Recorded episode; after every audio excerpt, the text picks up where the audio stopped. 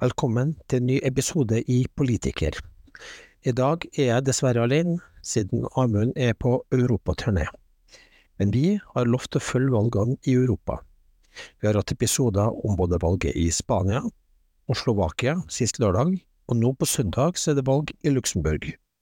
Og selv om det er et lite land, så må vi ha en liten quick take også om valget i Luxembourg den 8. oktober.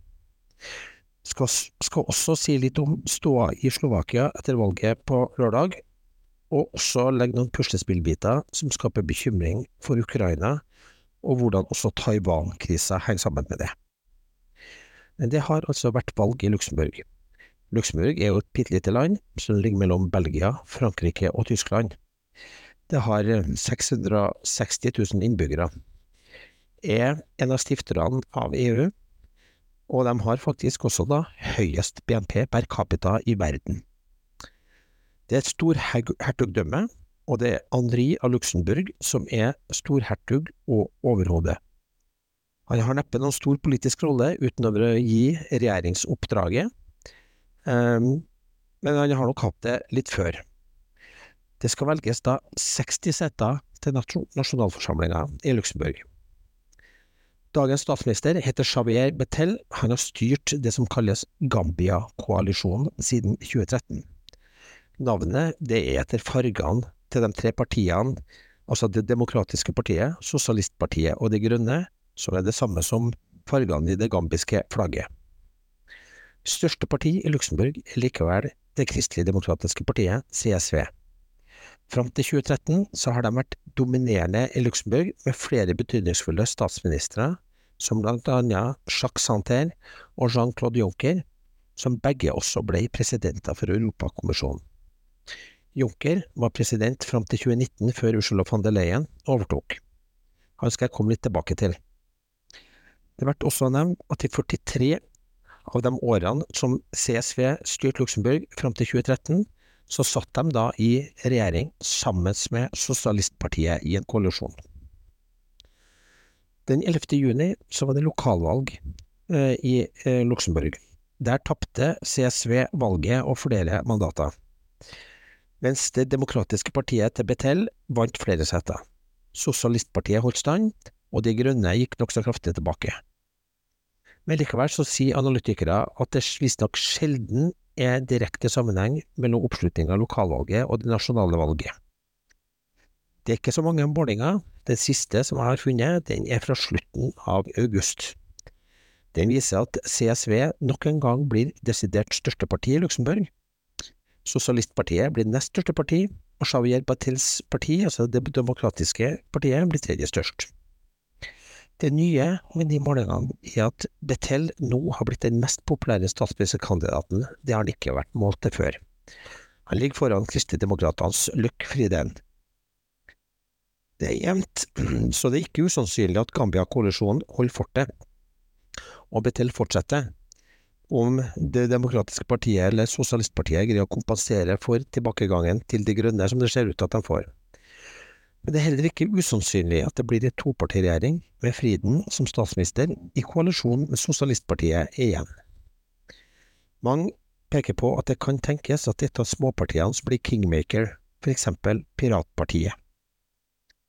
Sjøl om Luxembourg er bitte små, så vil jeg faktisk si at det er en trøst at valgkampen er dominert av sosiale og økonomiske saker som kretser rundt det moderate sentrum av politikken og ikke så polarisert som vi har sett flere andre steder i europeiske valg i det siste.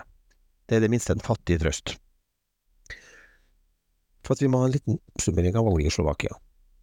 I forrige episode så var Tarjei Skirbekk gjest i forkant av valget.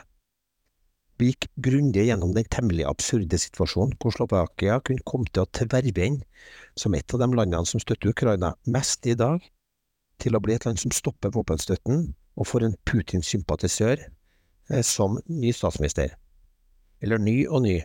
For statsminister Robert Ficho fra Det sosialdemokratiske partiet, som i en eller annen merkelig grunn er en del av eh, de sosialdemokratiske partiene i Europa, der også Arbeiderpartiet er med, han måtte gå av i 2018 som statsminister som følge av en korrupsjonsskandale som involverte en toppløs modell som ble ansatt som rådgiver på statsministerens, statsministerens kontor, med forgreininga til den italienske mafiaen, som også innbefatta et politisk drap på journalisten som skrev saken, og hans forlovede. Det ble massive protester, det ble valgt ny president i 2019, og Smer, partiet til FITRO, led nederlag i 2020. I mellomperioden fra 2018 til 2020 så var det en som het Peter Pellegrino som styrte landet eh, fra Smer. Han tok over etter Robert Fico. Han brøt senere ut og laga et eget parti som heter Hålas, som nå får en nøkkelrolle etter valget forrige lørdag. Og dessverre så gikk valget som frykta. Sjøl om det tidlig på valgkvelden kom exit polls som viste at det progressive partiet, som det er pro-vestlige og pro-Ukraina, kom til å vinne valget. Vi som prøvde å følge med litt på slovakiske aviser, og må understreke med automatisk Google-oversetter, ble likevel tidlig klar over at mye tyda på at exit-pollene var feil. For i løpet av kvelden og natta så ble det klart at Robert Fichos eh, Smer kom til å bli klart største parti, noe de også ble. Etterfulgt av Det progressive partiet, og så Haalas til Peter Pellegrino. Peter Pellegrino, som da tok over som sagt som statsminister etter at Fico måtte gå av i 2018, tapte valget i 2020, laga et nytt parti, Haalas. Som største parti så får Fico muligheten til å danne regjering først fra presidenten. Og det kan han gjøre sammen med Haalas Peter Pellegrino også, og nasjonalistene i SNS. Men mye tyder på at også Pellegrino nå går med en statsminister i magen. Og han kan også gå til det progressive partiet og et parti som heter KDH, for å sikre et annet flertall. Analytikere peker likevel på at det er mest sannsynlig at Fico og Pellegrino finner ut av det med hverandre. Robert Fico har nå frist til 16. oktober med å avklare regjering. Han er visstnok fryktelig forkjøla, så det går litt tregt, eh, men jeg tror nok han får til å avklare hva som skal være flertall eller ikke. Så er det verdt å nevne at eh, både Haalas og Smer, som da er sosialdemokratiske partier, de drev en ganske heftig venstrepopulistisk, venstrepopulistisk og hard valgkamp mot immigrasjon, også mot ukrainere. Slovakia er jo et fattig land, så mesteparten av ukrainerne som kommer inn, er stort sett i transitt på vei til andre europeiske land. Men dyrtid skaper spenninger. Det har vi sett i flere valg i Europa i år. Og spesielt i de østlige områdene som grenser mot Ukraina, har både Fico og Pellegrino gjort nærmest rent bord med knallhard retorikk mot immigrasjon. Dette står i sterk kontrast til ståa rett etter invasjonen hvor også innbyggerne i de her områdene stilte rakrygga opp for ukrainere på flukt. Men stemninga mot Ukraina og mot Nato har snudd i Slovakia i takt med dyrtid og økte priser. Fico drev også retorikk som henta ut fra Putins propaganda, som eksempel på valgmøter hvor han sa at innovasjonen i 2014 var for å frigjøre Krim og østlige deler av Ukraina fra nazister. Så får vi håpe at retorikken mot Ukraina og Nato demper seg når han eventuelt kommer i regjering igjen. Pellegrino også litt mer moderat i tilslaget, så det kan jo også eh, være bra. Men valget er uansett en ny lita sprekk i den vestlige alliansen mot Putin og støtten til Ukraina. Og den blir dessverre ikke bedre med kaoset i Kongressen i USA, som nå medfører at bevilgningene til Ukraina er skjøvet ut i det blå.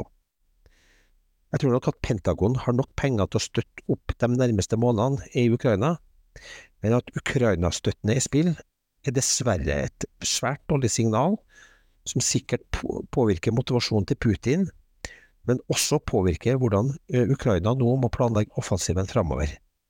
De kan ikke risikere å gå tom for våpen og ammo. Når dette skjer samtidig med små sprekker i alliansen i Europa, det har også vært en krangel om korn som har medført at Polen stopper våpenstøtte til Ukraina, og i Slovakia var det også tema, det med korn, samt Orban sin økende sjøltillit. Uroen i Serbia, som da også er sterkt eh, blåst opp eh, av russisk propaganda, og høyrepopulismens frammarsj flere steder, så er det urovekkende, eh, de signalene som er. Jeg nevnte i starten eh, forrige EU-president og statsminister i Luxembourg, Jean-Claude Juncker. Han har denne uka gjort et stort intervju i tysk avis, der han går ganske hardt ut og slår fast at det er helt urealistisk og feil å gi Ukraina et umiddelbart medlemskap, eller et raskt medlemskap i EU. Og bakgrunnen for det er ikke at han ikke støtter Ukraina, men det er fordi han mener korrupsjonen er for omfattende, og at landet ikke er klart, og det vil undergrave da EU-systemet om man slipper inn et land som ikke har kontroll på korrupsjonen, og som er lemfeldig knytta til lover og regler. Det står heldigvis i motstrid til både det dagens president Ursula von der Leyen og Tysklands utenriksminister Anna-Lena Baerbock nylig har kommunisert til Ukraina. Men det her er et tema, det med korrupsjon. Det blir også et eh, tema, vil jeg tro, i det kommende valget i Ukraina. Og det er også med på å skape uro og usikkerhet i Ukraina, sånne utfall. Så er det litt mer perifert, men det hører også med i dette bildet. Fordi at rotet i USA, som stanser støtten til Ukraina midlertidig, påvirker også Taiwan, som har uttalte sikkerhetsgarantier fra USA. Der er det snart valg, og Kina driver utstrakt opinionspåvirkning i Taiwan om at USA ikke er til å stole på, for å prøve å få en mer vennlig eh, kandidat til å vinne valget i Taiwan, eh, sånn at man skal akseptere en slags fredelig løsning og frivillig la seg innlemme i Kina, hvor absurd det enn måtte høres. Men Taiwan er også avhengig av sikkerhetsgarantien fra USA, og når kaos i Kongressen gjør at det blir usikkerhet om sånne bevilgninger, så er det, er det selvfølgelig også noe som påvirker stemninga borti der.